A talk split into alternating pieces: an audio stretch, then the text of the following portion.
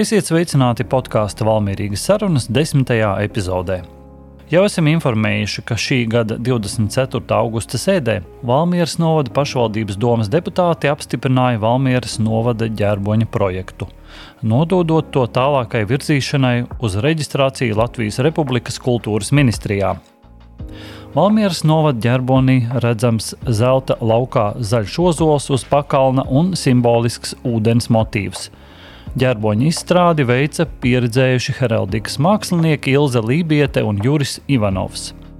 Par to, kāds bija Valmieras novada ģerboņa izveides process, esmu aicinājis uz sarunu Valmieras novada pašvaldības zīmolvedības un sabiedrisko attiecību nodaļas vadītāju Kristīnu Meleci un Valmieras muzeja vēstures nodaļas vadītāju Lieni Rokpelni. Sarunas ievadā piedāvāja noklausīties kolēģis Lauras Močas attālinātu interviju ar valsts heraldikas komisijas priekšsēdētāju vietnieci, mākslas vēsturnieci Ramonu Umbliju, kurā uzzināsim par ģerboņu izcelsmi, to veidošanas pamatprincipiem, vēsturiskās pārmantojamības nozīmi, kā arī par ģerboņu lietošanu mūsdienās. Kas ir galvenie novadu ģērboņu veidošanas priekšnoteikumi vai principi, kas tiek izvērtēti heraldikas komisijā? Pirms es tā pavisam konkrēti atbildu uz šo jūsu uzstādīto jautājumu, es gribētu nu, tādu, tā varētu teikt, tā vērst uzmanību kādam principam, kas ir pats būtiskākais, ja tā varētu teikt, tāds princips likumsakarība, kas nosaka visu ģērboņu uzbūvi un, un regulē ģērboņa savstarpējo zīmju attiecības, ja tā varētu teikt. Primārais un noteicošais ir heraldiskais apraksts, nevis attēls. Jo ļaudīm liekas tā, nu mēs jau ģērbuni redzam, un, un tas, kas tur tālāk tiek stāstīts vai runāts, tas jau ir pastarpināts. Bet nē, heraldikā e, tas princips ir tāds, ka tātad heraldiskais apraksts nosaka visu, un to, ko nevar aprakstīt, to nedrīkst arī zīmēt. Jautājums ir par to, kāpēc tāds e, nosacījums, tāds princips. Tas nāk no senajiem viduslaikiem, jau kopā ar dzimst kopā ar pašu heraldiku, Jo tātad uh, bruņinieku turnīros, krustakaros karēji izmantoja vairogus. Uz tiem bija gan uh, dzimtas vai konkrēti karaspēka atpazīšanas zīmes, liecība par statusu sabiedrībā un tā tālāk.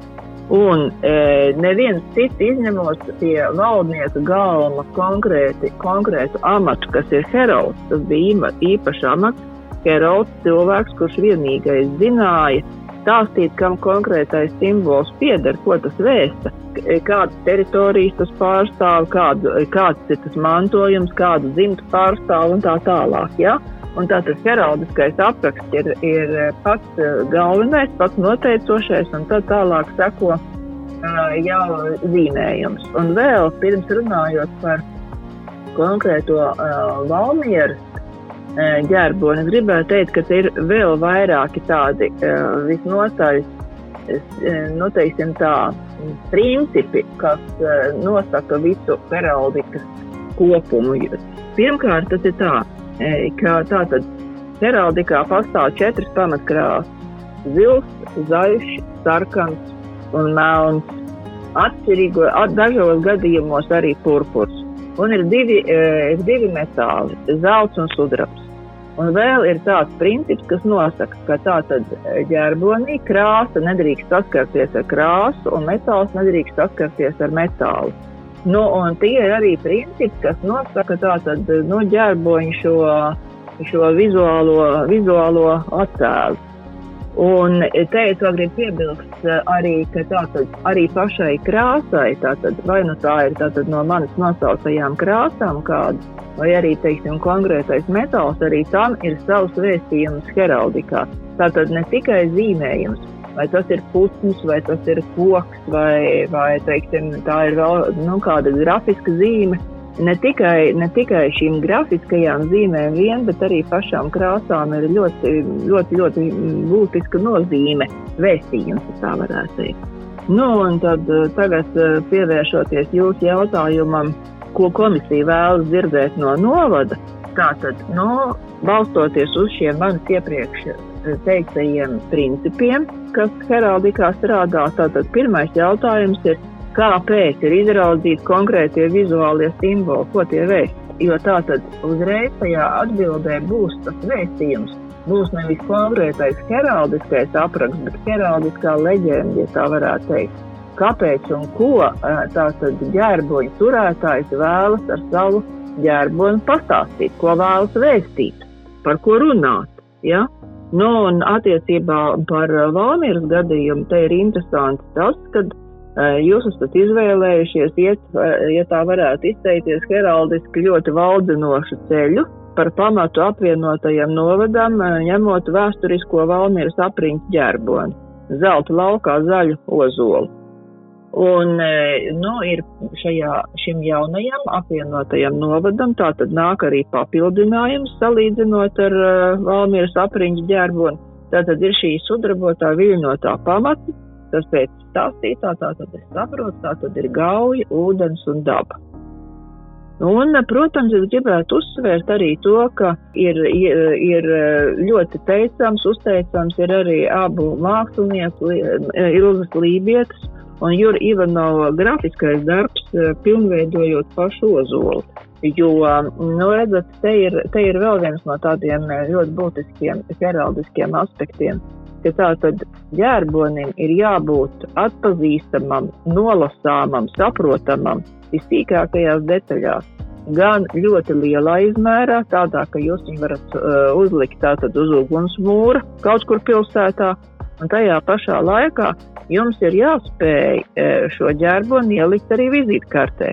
Tātad tas nozīmē, ka jebkura mazākā detaļa ir nolasāma, ir atpazīstama. Nu, es te varētu minēt tā, nu, piemēram, ir tā viļņotā sudraba pēda. Nu, varētu gribēties, lai varbūt vēl ir kāds vilnītis, vai ne, lai ir kāds vilnītis. Ja tu samazinājumā to ģērboni mēs paskatīsimies, tad tie vilnīši pārvērtīsies par tādiem tārpiņiem nesaprotamiem. Tā tad, principā, māksliniekam ir jāpārzina nu, šī heraldiskā specifika. Nu, jūs jau atbildējāt arī uz to otro man jautājumu par Valmieras novada ģērboņa labajām iezīmēm. Vai varbūt vēl kaut kas ir piebilstams? Nu, katrā gadījumā es gribēju teikt, tā, ka tas, tas tiešām ir tāds heraldikā uh, nu, paņēmiens no standienām kopt jau. Uh, ka tā tad, ja, ja ir saglabājusies heraldiskā simbolika, vēsturiskā simbolika un ir atrodama saikne ar to, nevis vienkārši mēs esam kaut kur izra, iz, izrakuši arhīvos vai kaut kur atraduši, bet ka tiešām ir uh, nu, tātad šī vēsturiskā simbolika tāda, nu, kas liecina par, par šo vēsturisko saikni, kā tas ir jūsu gadījumā Jā, tas, tas nu, ozols ir, ir, ir dažādos heraldiskos attēlos bijis. Nu, tātad izmantot vēsturisko attēlu vai tā elementus, nu, tas ir tās vispār pieņemts un ļoti atzīstams, nu, tādā varētu teikt, starptautiskā ziņā heraldikā arī paņēmiens.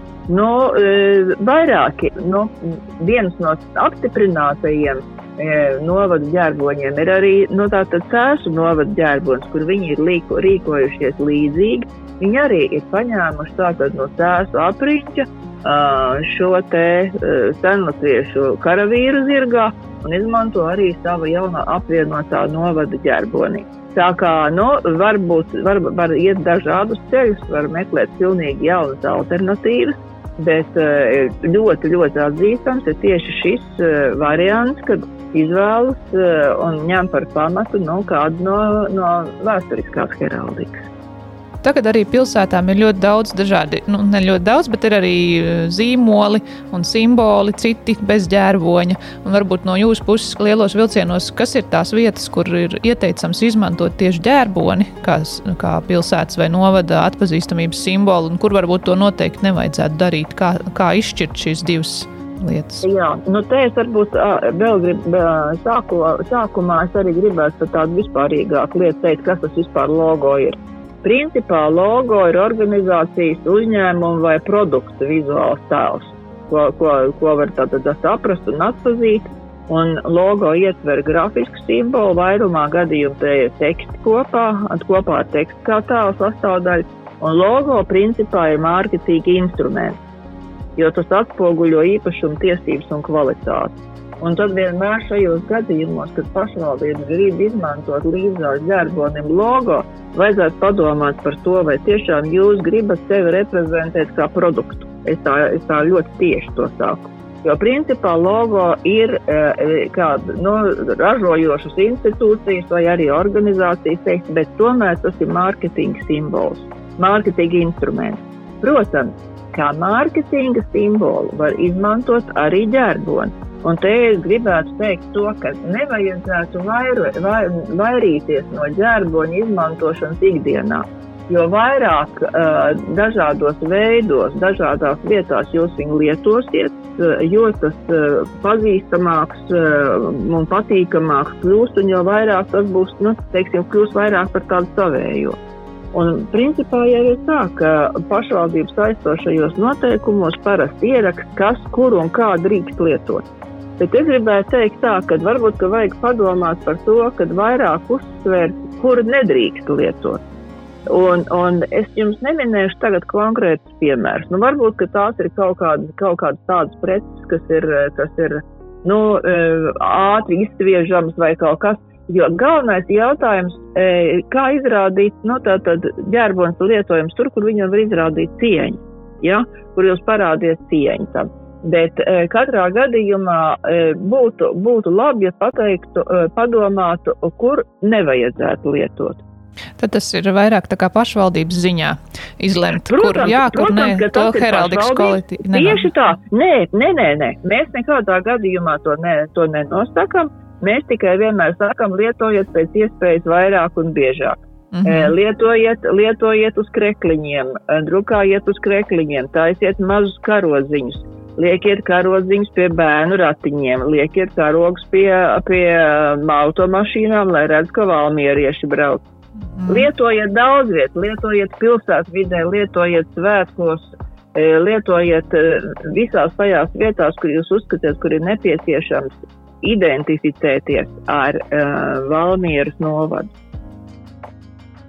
Atgādināšu, ka šis bija attālinātās intervijas ieraksts ar valsts heraldikas komisijas priekšsēdētāju vietnieci, mākslas vēsturnieci Ramonu Umbliju, bet tagad turpinām sarunu studijā. Un mans pirmais jautājums ir Kristīnai Melicei. Kā norisinājās darbs pie Valmieras novada ģerboņa izstrādes? Varētu teikt, tā, ka darbs pie Valmieras novada jaunā ģērboņa izveides uh, sākās uh, līdz ar administratīvu teritoriālo reformu, kas uh, Latvijā stājās spēkā 2021. gada 1. jūlijā. Jo tas bija tas datums, kad pirmajā domas sēdē arī Valmieras novada deputāti nolēma, ka spēku zaudē visu septiņu apvienoto novadu ģērboņi, kas palīdz paliek Latvijā ģērboņu reģistrā vairāk kā kultūra vēsturiska vērtība, bet viņi vairs nav oficiāli spēkā esoši. Bet, kā mēs zinām, Valmieras novadā apvienojās arī Valmieras pilsēta, bet tā kā šī administratīvā vienība jau um, pastāv kā integrēta administratīvā vienība Valmieras novadā, tad līdzīgi kā Rūjiena, Strenčis, Sēda, Masalaca, šīm pilsētām visām joprojām Eh, ģērboņi paliek spēkā esoši. Un uh, vēl noteikti jāpiemina, ka Valmieras novadā vēl ģērboņi ir izstrādāti vēl trīs pagastiem, trikātai, jāriem un dikļiem. Arī šie ģērboņi ir spēkā esoši. Bet līdz ar reformu, ar jaunu administratīvu teritoriālo vienību, ar uh, jauna novada izveidi, aktuāls bija jautājums, kāda būs uh, mūsu oficiālā simbolika, kāds būs Valmieras Valmieras novada ģērbonis, kas reprezentēs visu šo lielo teritoriju, kurā ir apvienojušās piecas pilsētas un 26 pagasti. Un līdz ar to Pēc kāda brīža tika pieņemts arī lēmums zīmolvedības un sabiedrisko attiecību nodaļai sadarbībā ar kolēģiem no muzeja, citām iesaistītajām pusēm uzsākt darbu pie jauna Valmieras novada ģērboņa izveides. Un šis process sastāvēja no vairākiem etapiem, jo tur bija iekļauta gan iedzīvotāja aptauja par vērtībām, gan arī sadarbība ar muzeja kolēģiem, lai izpētītu Valmieras novada vēsturisko teritoriju, heraldikas vēsturi, gan arī konsultācijas ar her valsts heraldikas komisijas pārstāvjiem. Un, protams, mākslinieku heraldikas heraldikas mākslinieku izvēle un diskusijas, iedzīvotāju aptaujas rezultātu analīze, vecā, veco iepriekšējo heraldikas ģērboņu analīze un lēmumu pieņemšana, tad, kā tad mēs šo procesu virzam tālāk. Kristīna pieminēja eh, šo iedzīvotāju aptauju. Kādi rezultāti šai aptaujai bija un kāda ietekme uz ģerboņa veidošanu?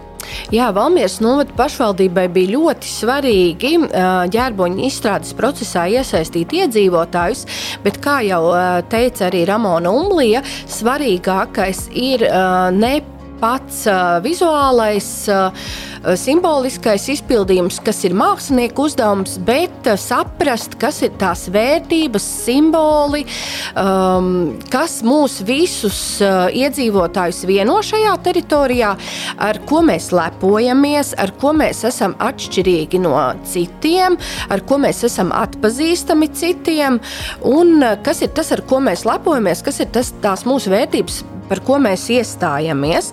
Un iedzīvotāji aptaujā visbiežāk bija minējuši, kā Valmīras novada vienojošās vērtības latviskumu, dabu kā vērtību, attīstību, izaugsmi, stabilitāti un rad, radošumu. Tāpēc mums ir ļoti liels prieks, ka izvēloties par pamatu eh, jaunā Valmīras novada ģērboņa izveidei, eh, izvēlēties un par pamatu ņemt Valmīras apriņķa vēsturisko ģērboni, ka jau šis eh, vēsturiskais ģērbonis, eh, zelta laukā, zaļš ozols uz pakalna, ka viņš jau eh, lielā mērā šīs vērtības ietver, bet eh, jaunums, kas nāca klāt ģērboņa izstrādes, jaunā Valmīras novada ģērboņa izstrādes procesā bija tas, ka daudz iedzīvotāji bija minējuši, ka Valmīras novadā daudzām teritorijām un iedzīvotājiem vienojošais ir ūdens motīvs. Un mākslinieki piedāvāja mums šo risinājumu, ka, ka pakalna priekšplānā ir viļņots sudrabains ūdens motīvs. Sudrabs heraldikā simbolizē ūdeni, savukārt ūdens kā simbols simbolizē dzīvību, dzīvību kustību, dinamiku. Un, eh, savukārt, eh, ja runājam vēl par tādām izmaiņām, atšķirībā pret apriņķa ģērboni, tad ir arī izmainīta ozola lapotne. Tā ir kļuvusi kuplāka, arī uh, simbolizējot to mūsu vienotību, vienoto veselumu jaunajā teritorijā. Tad ir saglabāts arī zelta fons, kas uh, simbolizē augstākos sasniegumus un vērtību, ko mēs piešķiram savām tradīcijām, videi un iedzīvotājiem, kuri kopā ikdienas veidos uh, jaunā Valmieras novada nākotni. Savukārt pakalns simbolizē tiekšanos uz izaugsmi un attīstību. Un arī Heraldikas komisija, kā jau jūs jūs dzirdējāt, arī ļoti e, novērtēja, ka mums ir izdevies ar e, e, šo jauno Valmieras novada ģērboni gan saglabāt šo vēsturisko pēctecīgumu un saglabāt tradīcijas, gan ilgmūžību, gan stabilitāti, gan arī vēsturiskās šīs teritorijas vērtības, gan arī padarīt viņu mūsdienīgu un mūsdienām aktuālu. Tagad jautāšu Lienai. Tātad eh, gan Ramona, gan arī Kristīna minēja šo vēsturisko aspektu, kas ir ļoti būtisks heraldikā. Kādi atklājumi bija pētot uh, vēsturiskos ģerboņus, kas bijuši Valmierā, Valmieras apriņķī? Jāsaka, ar tiem atklājumiem. Uh par šo apriņķa ģerboni jau tāds ļoti liela atklājuma nekāda nebija. Tā varētu teikt. Mēs vienkārši noprecizējam, kāds sameklējām šo aprakstu, kas ir šis primārais, lai izstrādātu jaunu ģerboni vai salīdzinātu to ar šī brīža. Mm, kā arī pārbaudījām, vai šis, šie te, nu, tāpat jau salīdzinājām arī attēlus. Protams, ja mēs runājam par katras pilsētas ģerboņiem, tad tur stāsts ir citādāks. Valmieras ģerboņa vēsture vēl joprojām tiek pētīta, jo šobrīd mēs esam principā atraduši to sākuma posmu, kāds ģerbonis ir izskatījies. Diemžēl nav saglabājies šis apraksts. Savukārt par pārējām pilsētām vai, vai šiem pārējiem ģerboņiem, kas ir mūsu novadā saglabājušies, mēs vēl neesam izpēti līdz galam veikuši tā tādus pēdējos jaunatklājumus mēs droši vien varēsim pavēstīt nākamā gada kaut kad sākumā, vidū, jo pētniecība nav ātrs process, un ja mēs gribam veikt to korekti un precīzi, tad mēs negribam lietas sasteigt. Un, ja runājam tieši par vēsturisko Valmieras apriņķi, jeb tagad jau transformēto arī Valmieras novada ģerboni, varbūt par tā tapšanas stāstu jūs varētu kaut ko vairāk pastāstīt tieši par šī brīža tapšanas stāstu vai to vēsturisko vēsturisko? Gan vēsturisko, gan arī šī brīža. Tātad, cik daudz tieši vēsturnieki muzejs bija iesaistīti un kādā veidā? Jā, nu, par pašu pirmo apriņķa ģērboni, kuram būtu, būtu bijis jābūt vai būtu jābūt veidotam 18. gadsimta beigās, kad Valmiera kļūst par apriņķu pilsētu un tai tiek pievienotas pārējās teritorijas, mums līdz šim nav ziņu, nav izdevies atrast. Lai gan šur tur dokumentos var redzēt, ka apriņķa dokumentos tiek izmantots Valmieras pilsētas ģērbonis ar apzīmējumu, ka tas ir atbilstoši arī šim te apriņķim. Bet, ja mēs runājam par to ģērboni, kura pamatā, kurš pamatā tiek izvēlēts un izmantots šī brīža jaunajam, papildinātajam novada ģērbonim, tad uh, tas uh, stāsts ir tāds, ka 30. gadu vidū tiek izveidota heraldikas komisija. Tiek no, pieņemts lēmums, ka katrai pašvaldībai ir jāapstiprina, jāizveido šie jaunie ģerboņi. Un, kā vienmēr ir konkurss un tiek pieteikti vairāki zīmējumi, bet principā heraldikas komisija izskata trīs variantus. Bet nu, līdz tai heraldikas komisijas gala lēmumam nonāk divi ģērboņi, kurus ir veidojuši mākslinieki Kasparsons un Krause. Un tad par pamatu vienā no šiem te Kasparsona zīmējumā vēl zem ozola ir trīs vārpas. Bet, skatoties uz novada, jeb tajā brīdī apriņķa teritoriju, jāsaka, ka šie te rudzu vārpas gluži neatbilst mūsu teritorijai, ko uzsver arī Heraldikas komisija tajā brīdī. Līdz ar to šīs vārpas netiek apstiprinātas, bet tiek apstiprināts otrs ģērbonis, kurā šīs vārpas nav. Un, tāds tas arī pastāv. Būtībā šis apriņķa ģērbonis darbojās no tā izveidošanas laika. Protams, padomi gados tas netiek lietots, bet tad atkal sākot ar 90. gadu sākumu līdz 2009. gadam šis ģērbonis pilda savu funkciju. Būtībā manuprāt, tas skaistais šajā visā ir tas, kā jau arī Ramons Umblīs kundze teica, ka mēs esam saglabājuši un nepazaudējuši to vēsturisko. Jo ļoti bieži ir tā, ka gribās kaut ko jaunu, gribās kaut ko mūsdienīgu un modernu, un tad mēs pazaudējam to savu identitāti, kas patiesībā mums nāk jau tik daudzus gadsimtus līdzi, un arī par tām teritorijām. Uh, nu, tas apriņķis nav daudz atšķirīgs kā mūsdienās ir šis jaunizveidotais novads. Mums nav vairs klāta limbaži, bet mums ir klāta strēņķi. Līdz ar to kaut kāda viena teritorija būtībā ir nomainījusies, bet pārējās teritorijas, kuras ir arī mūsu novadā, ir vēsturiski bijušas mūsu, mūsu apriņķī. Tad, līdz ar to man liekas, tas tāds skaists papildinājums un vēsturisks turpinājums mūsdienās. Jo, ja mēs pazaudējam to savu vēsturisko identitāti, kā tas mēdz mūsdienās gadīties, tad nu jā, kā tai dziesmā skan, ko tad mēs teiksim saviem bērniem, kā mēs to pastāstīsim.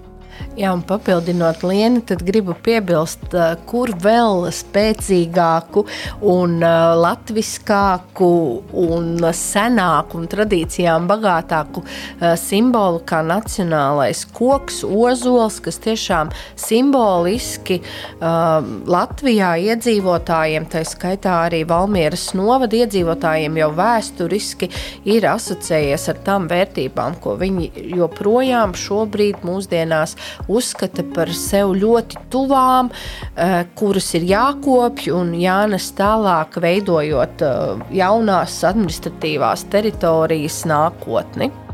Jā, un es gribētu teikt, ka mums ir arī paveicies, ka mums ir šis vēsturiskais ozols, jo heraldikas komisija nemaz nav tik uh, labvēlīga, ja šis vēsturiskais ozols, jo visi jau grib to latviskotai savā ģerbonī pasniegt, un mums, jā, nu, mums ir paveicies, mums šis ozols ir, un tas tā ir vēsturiski. Līdz ar to, tā kā komisijai tiešām patīk, ja nes to vēsturisko līdzi, tad, uh, jā, nu, es domāju, ka tas ozols mums ļoti piestāv. Un tā nedaudz baumu līmenī varbūt tās intrigai varu izstāstīt, ka meklējot Valmieras tieši pilsētas ģērboņus, šos vēsturiskos, kādi viņi ir izskatījušies. Un, ja paveicās, varbūt kaut kur atrast aprakstu, vienu aprakstu man patiešām ir izdevies atrast. Tas ir no 17. gadsimta, tātad brīdī, kad Valmiera nonāk Oksenštērnu ģimenes īpašumā. Tur ir rakstīts, starp citu, ka ģerbonī ir ozols, nevis liepa. Bet tā kā tas jau ir noraksts no kaut kā, Es neesmu simtprocentīgi pārliecināta, vai tas tā ir. Nu, šeit ir uh, detektīva darbs Zviedrijas arhīvos tālāk, kas tur būs. ļoti iespējams, tiešām Liena, tā, tā ir intriga. Ļoti iespējams, ka vēsturnieki pēc kāda brīža atklās arī, arī pierādījumus, ka Valmieras senākais ģērbonis ir bijis tieši ar ozolu, nevis liepu. Jā, nu, pēc skata ir liepa, bet apraksts ir saglabājies. Jā, nu, pagaidām šis 7. 19. gadsimta. Skatīsimies, kas tur beigās sanāks. Ramons Umblīs kundze runāja arī par ģerboņa lietošanu un par uh, ģerboņa līdzās pastāvēšanu zīmolam jeb logo. Jā, Valmieras novada jaunais ģērbonis vairāk tiks lietots oficiālajā, lietišķajā komunikācijā, dokumentos, dažādos līgumos, um, nodomu protokolos, vienošanās. Jo, piemēram, šobrīd, kamēr Valmieras novada pašvaldībai un citām pašvaldībām, kurām vēl nav izstrādāts no, jaunie novada ģērboņi, ir ļauts izmantot mazo Latvijas ģērboni, ko mēs arī darām uz veidu veidlapām eh, un visur citur, kur ir no, nepieciešams eh, šo simboliku lietot eh, kopā ar Valmieras novada pašvaldības nosaukumu un rekvizītiem. Nākamais solis, kas šobrīd jau ir procesā, ir Valmieras novada karoga izveide. Un, lai gan karogs nav jāsaskaņo heraldikas komisijā, ģērbonis ir ļoti svarīgs karoga elements. Tātad arī iedzīvotājiem gadiem drīzumā tiks prezentēts arī Valmieras novada karoks. Arī pie šī dizaina strādā minētie ģērbo, Valmieras novada ģērboņu izstrādātāji Ilze Lībieta un Juris Ivanovs. Un arī tiek mākslinieciski meklēts vislabākais risinājums, kā um, šis karoks izskatīsies un kā ģērbonis izcelsies uz karoga krāsu vai krāsu kombināciju kombinācijas vai izvietojuma. Un, eh, ja runājam par eh, mārketinga materiāliem, eh, kas ir tiešām tāda ikdienišķāka un, un, un, un, un vairāk saistīta ar teritorijas reprezentēšanu dažādās jomās, nozarēs un vizuālos materiālos, tad arī līdz ar ģērboņu izstrādi ir Valmieras novada pašvaldība pieņēmusi arī vienotas vizuālās identitātes vadlīnijas, kur viens no elementiem ir arī uh, logotips, bet uh, tas ir saistīts arī ar dažādām citām gan krāsu, gan vi, zīmju sistēmām, un tas vairāk tiks izmantots tādā neformālākā komunikācijā, veidojot dažādus informācijas materiālus, piemēram, informatīvo izdevumu, dažādus bukletus, Um, uh, dažādas um, plakātus uh, par pasākumiem, kur varbūt um, ir vairāk nepieciešams uh, panākt eh, šo identitātes vienotību visā novadā. Lai gan mēs katrs esam atšķirīgi, eh, mēs ļoti vēlējāmies ar vizuālās identitātes vadlīnijām uz, uz, uzsvērt tieši katras vietas eh, lokālo identitāti, ko ietver vietas nosaukums, bet tāpat laikā atrast elementus, kas ir šis rombiņš, izaugsmes medaļa, kas būs vienojošais elements visām teritorijām, apdzīvotām vietām, arī iedzīvotāju um, apkaimēm, lai um, šajā digitālajā un vides reklāmā, strādājot pie mārketinga materiāliem, mums būtu daudz lielāka iespēja variēt ar dažādiem dizaina elementiem. Savukārt par ģērboni runājot, mēs ģērboni lietosim tādos oficiālākos reprezentācijas materiālos, kā piemēram veidojot jaunu Valmieras novada gada un goda apbalvojumu, pateicības un goda rakstus Varbūt, eh, ja būs nepieciešams arī kādā zīmogā, vai varbūt, kā Ramona minēja, sienu gleznojumā, eh, tie vairāk būs tādi oficiāli reprezentācijas gadījumi, eh, kad tiks pārstāvēta teritorija vai pašvaldība ehm, tādā Latvijas vai lokālā mērogā. Un vēl jautājums abām kolēģiem. Jums tad tika minēts, ka pastāv joprojām, ir spēkā Valmieras pilsētas un arī pārējo pilsētu ģerboņi un dažu pagastu ģerboņi. Vai ir plānots arī um, turpmāk uh, veidot uh, visiem pārējiem pagastiem ģerboņus Valmieras novadā, lai pilnībā visā novadā būtu katram, katrai savai vietai savs ģerbonis? Tāds uzdevums noteikti nav, un, un šāds mērķis noteikti nav pašmērķis.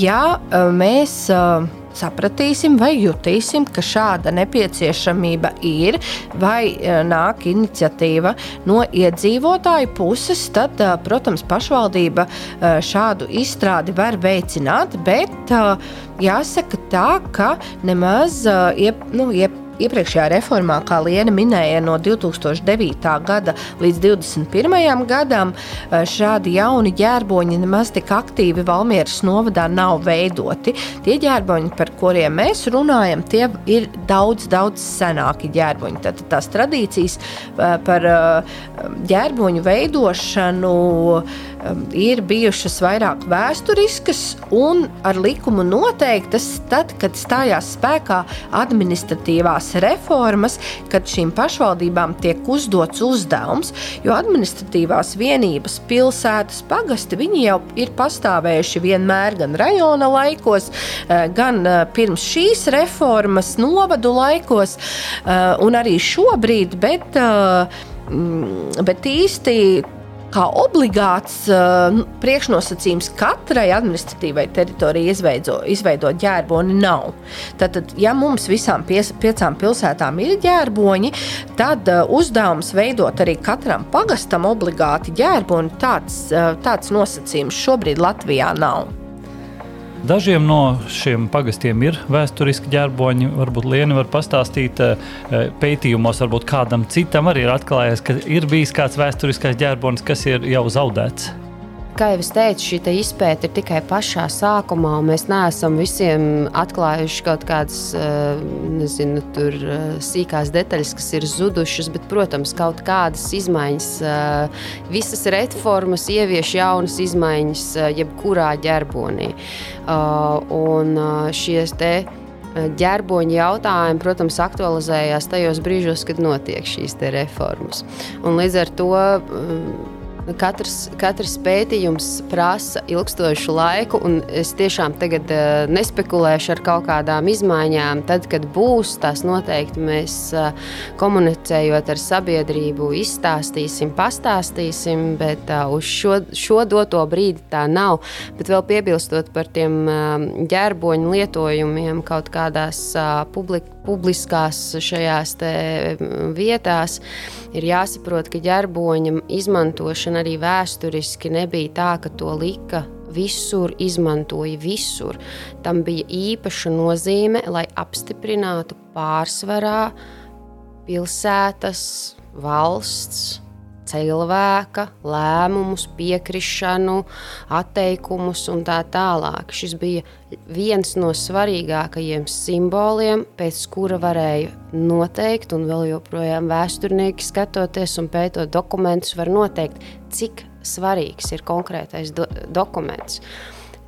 Privātā sarakstē ļoti bieži nevar redzēt ģerboni, lai gan abām privātpersonām savu ģerboni ir Bet tiklīdz tur ir iekšā lēmums, tā ir ģērbonis, kur arī apakšā ir speciāli atvēlēta šī dokumentā.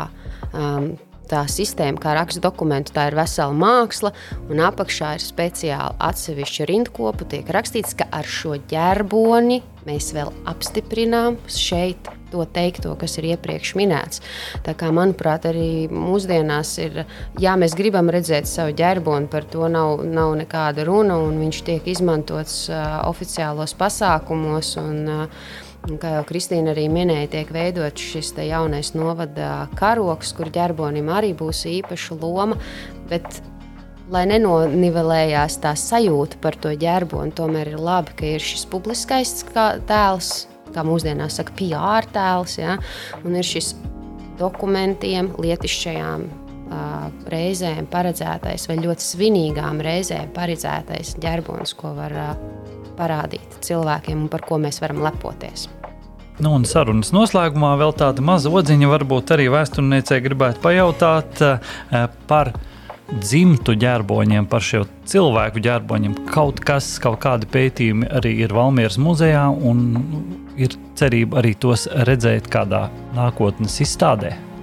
Jā, tieši šodien, nākot uz šejienu, runājām ar kolēģiem, ka Valmieras muzejs katru gadu taisa šīs nelielās ekspresa izstādes, kuras ir apskatāmas muzeja telpā, bet vēlāk tās ir kā ceļojošas izstādes, kurām var pieteikties, un tad tās nonāk plašākā sabiedrībā.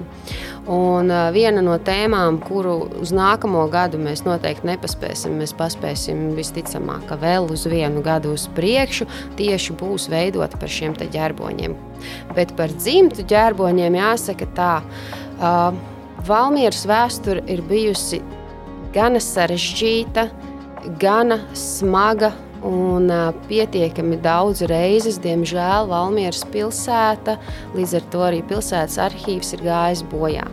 Tie senākie ģerboņi, kas visticamāk dzimtām ir bijuši, līdz šim mums nav izdevies atrast. Bet te atkal ir dažas hipotēzes manā galvā, kuras varbūt kādreiz dzīvē izdosies apstiprināt, ka pilsētas pirmais ģerbonis, kas ir saglabājies no 14. gadsimta, patiesībā nav vācu ordeņa kā organizācijas ģerbonis, bet tas ir kādas vācu ordenī esoša brāļa dzimtas ģērbonis, kas ir nonācis mūsu pilsētai. Bet, nu, tā ir tāda pilnīga hipotēze, kas, kas ir radusies pēdējo laiku pārdomās par to, kā veidojās vispār šie vēsturiskie ģērboņi. Par dzimtu ģērboņiem mūsdienās tos ir ārkārtīgi, es teiktu, populāri veidot un taisīt. Katrs veido savu ģērboni, citi Eh, varētu teikt, paliek pie sava ekslibra, ko ielīmēt grāmatā. Bet, eh, protams, eh, tas ir skaisti manā skatījumā, ka cilvēki mēģina meklēt savus ģerboņus un, un, un veido viņus. Un, Bet tādu konkrētu dzimtu ģerboņi, kas mums glabātos Valmieras muzejā, diemžēl nav. Bet, uh, nesaki ne pieci, kā es vienmēr saku, ka rītdien, ja ne muzejā, tad kādā arhīvā, kur mēs ar kolēģiem meklējam informāciju par Valmieras senāko vēsturi, kaut kas pēkšņi uzradīsies. Tā kā kaut vai arī šis pats Aksela Uksenšerna nodotais Valmieras pilsētais ģērbonis, kur mēs iegūstam šo vērša pieri, arī jau tā īsti nav skaidrs, kurā brīdī tas notiek. Tas precīzs gads, kad, kur mēs vēl meklējam. Skaidrs ir tas, ka tie ir 17. gadsimta 20. gadi, bet kurā brīdī tur arī vēl ir daudz nezināmā. Bet, protams, ik viens mūsu pētījums, ik viens mūsu atklājums tiek komunicēts ar sabiedrību visdažādākajos veidos, vai nu caur izstādēm, caur rakstiem, caur publikācijām, gan kārtīgā papīra veidā, bet arī interneta vidē var atklāt. Un, protams, mēs ar kolēģiem braucam arī uh, gan uz vietēju mērogu, gan uz starptautiskām konferencēm, lai popularizētu ne tikai sevi kā pētnieku, bet arī Valmieru, Valmieras vārdu un arī Valmieras novada vēsturi. Jā, ja jūs pieminējāt dzimtas ģērboņus, tad ir jāsaka, ka Valmiera varbūt eh, sevi ir eh, arī ierakstījusi vēsturē ar eh, Valmieras valsts ģimnāzijas bijušā direktora Jāņa Zemlītska iniciatīvu, jo 2014. gadā Valmieras valsts ģimnāzija kļuva par pirmo ģimnāziju Latvijā, kurai arī tika izstrādāts un apstiprināts savs skolas ģērbonis. Un arī noteikti skolas ekspozīcijās arī ir ļoti daudz informācijas un vizuāli uh, ir pieejama informācija, kā notika darbs pie tā, un arī uh, Valmēras valsts gimnāzijas ģērbonis ir arī apstiprināts valsts heraldikas komisijā. Arī tāds interesants stāsts. Teikšu paldies sarunas dalībniecēm par interesantu stāstu. Pēc reģistrācijas kultūras ministrijā drīzumā mēs arvien vairāk redzēsim Valmieras novada ģerboni publiskajā telpā, it sevišķi oficiālos dokumentos un svinīgos brīžos. Kā aicināja Ramonas Umblīs kundze, nebaidīsimies to lietot, taču atbilstošā veidā un izrādot cieņu, gluži tāpat kā pret valsts simboliku. Drīzumā tiks apstiprināts arī Valmieras novada karoks. Kad tas varētu notikt? Šobrīd notiek izstrāde un labākā risinājuma meklēšana tieši mākslinieciski, vizuāli, prototipu gatavošana, lai pieņemtu vislabāko risinājumu, kā karoks izskatīsies dažādos lietošanas veidos, telpās un vidē. Tātad līdz gada beigām tas varētu būt. Es domāju, notikt. ka noteikti. Jā. Jā. Mhm. Paldies jums par sarunu. Visu labu uz tikšanos nākamajos podkāstos. Paldies! Visu labu!